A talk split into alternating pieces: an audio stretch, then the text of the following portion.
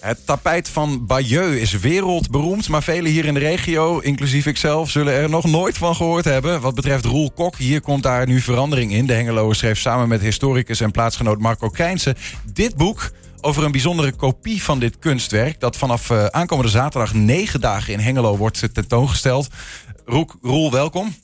Dankjewel. Um, allereerst trouwens nog gefeliciteerd met je koninklijke onderscheiding. Zo, dat wisten jullie hier ook in ja. Enschede al. Absoluut, is dat hier ook doorgedrongen? Het nieuws is hier uh, doorgekomen. Het, het, is overgewaaid. Uh, maar, maar ja, die kreeg je al ver voordat überhaupt uh, deze expositie gaat plaatsvinden. Ja. Ja, oh, ik vind het heel verrassend dat jullie dat hier in Enschede ook al weten. ik bedoel, ja, ja. ik word in Hengelo door iedereen ook al uh, gefeliciteerd, maar dat het hier in Enschede ook al plaats kan Het staat hier langs de snelweg ook, hè? Oh, oké.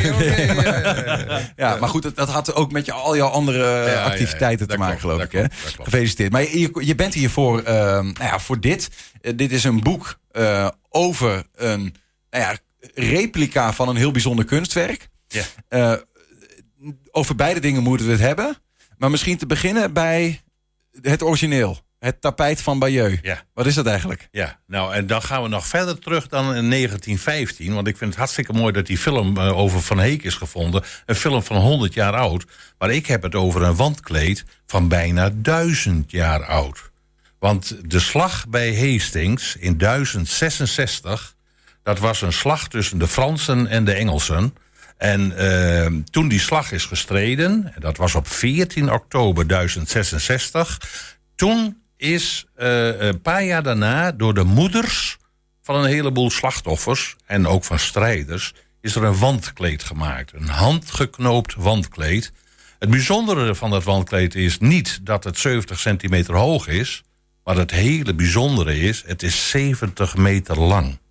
70 meter, moet je je voorstellen, dat is drie kwart voetbalveld één groot wandkleed.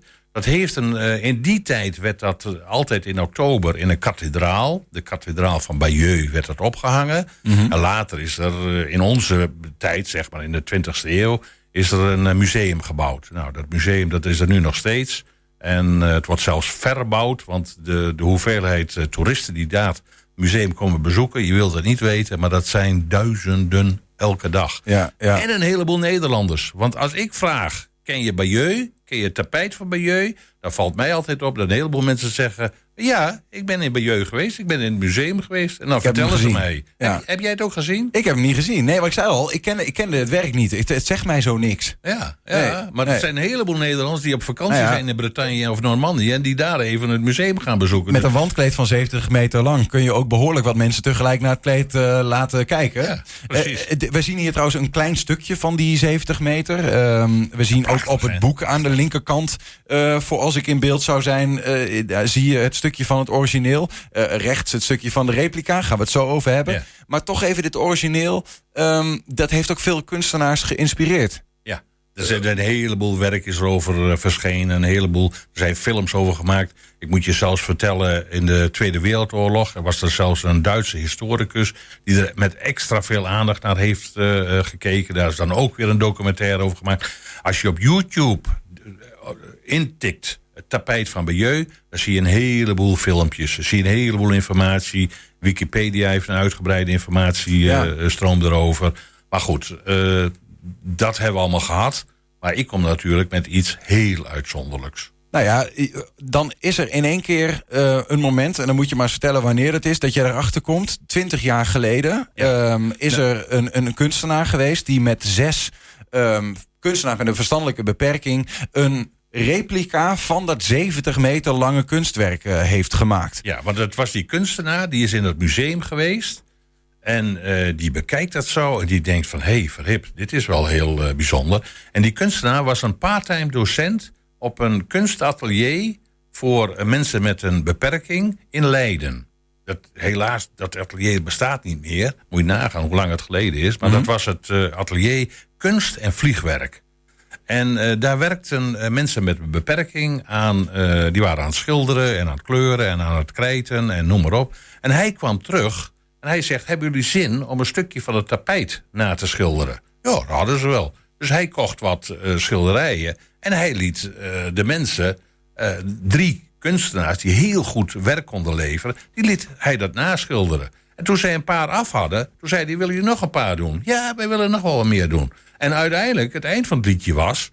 Ze hebben er anderhalf jaar aan gewerkt. En ze hebben alle 58 scènes hebben ze nageschilderd. Het is ongelooflijk. Beetje uit de hand gelopen, ja. Oh, ja, ja, ja. Man, man, man, man. Het begint met een ideetje. Ja. Het is een heel klein waakvlammetje. En het Zoals wordt, het kan gaan. Het wordt een gigantisch Ja, ja. vuurwerk. Maar goed, vervolgens eh, is dat kunstwerk ergens in de vergetelheid eh, geraakt. Ik zal het je precies vertellen. Het werk is af en niemand wist wat ermee moest gebeuren. Toen heeft een directeur van een laboratorium in Leiden... die heeft alle 58 schilderijen gekocht. Dus het hele kunstwerk werd in één keer opgekocht. Dat eh, die directeur van het Leids laboratorium... is de vrouw van mijn oudste broer. Mijn oudste broer is een professor op de Rijksuniversiteit in Groningen. De, zijn vrouw, directeur van het Leids laboratorium, gaat met pensioen. Die zegt, ik verkoop mijn laboratorium, maar dat werk dat gaat mee. Die gaan in Lieveren wonen, Noord-Drenthe. Zij neemt het werk mee, het wordt opgeslagen... en het blijft 17 jaar lang ergens opgeslagen... in een melkfabriek in Roden blijft het liggen. Dan is het coronatijd. Mijn broer die heeft bedacht, ik ga een paar foto's maken van die schilderijen. Dus die heeft een paar van die platen opgehaald. Ik kom bij hem thuis. Ik zie dat. Ik zeg, wat is dat dan? Waar komt dat vandaan? Waar komt dat vandaan? Nou, hij vertelt me dat verhaal. Ik zeg, eh, waar zijn die anderen? Ja, in de opslag. Ik zeg, wat gaan jullie ermee doen? Ja, dat weten we niet. Ik zeg, Hier met dat spul. hier met het spel, we gaan een tentoonstelling organiseren. En toen wist ik natuurlijk inmiddels dat er een Art Brut Biennale was in Hengelo. En eh, ik denk van, hé, hey, misschien kan ik het combineren. Dat we dit gaan tentoonstellen en dat we dit, nou, gewoon, dit moet de wereld zien. Dit, dit, en we beginnen in Hengelo, want ik vertel je, dit is een wereldprimeur. Dit is echt een wereldprimeur. Dit gaat verder het land in, dit gaat Europa in, dit gaat de wereld over. Dat kan ik je wel vertellen. Waarom? Ah, het is zo uniek. Dit is, en dit is zo mooi, het is zo kleurrijk. Dit is het werk trouwens even. Dit is de, de, laat- de re- het replica Ja. eh, wat, eh, wat dan die, die Ja. mensen met een verstandelijke beperking, art brut eh, kunstenaars hebben gemaakt. En ja, je- in dit boek staan allemaal van dit soort ko- kopieën, zeg Ja. maar. Het is geweldig. Het is echt. En als je dat in zijn volle lengte ziet, 70 meter lang. En het, eh, ik ben op dit moment bezig met die tentoonstelling om dit allemaal voor te bereiden. Het is 70 meter aan ingesloten. Het verhaal dat wordt verteld over die slag bij Hastings. En eh, nou, dat, dat, dat, ah, je weet niet wat je ziet. Het is kleurrijk, het is, het is, en, het is uniek. Het is zo bijzonder. Dit, dit moet je gezien hebben. Dit is, als je dit niet gezien hebt, ze zeggen wel eens je moet Napels zien eh, voordat je gaat sterven. Nou, ik zeg, dit moet je gezien dit hebben. moet je gezien ja, hebben. En dan eh, vooral de replica. Ja, die replica. Het is, Aankomende eh, zaterdag, dan is die te zien. Ja. Ehm, gedurende de hele Art Brut Biennale, maar niet in de expositieruimte van de Art Brut Biennale. Nee. Er net iets naast. Ja, ik heb een parallel tentoonstelling. Ik, het is natuurlijk allemaal afgestemd. Ik ken de voorzitter van de, de Art Brut Biennale heel goed, Jan Nolters. Goede vriend van mij. En eh, die zei meteen, wij gaan op zoek naar een leeg eh, winkelpand in Hengelo. Nou, die hebben we gevonden.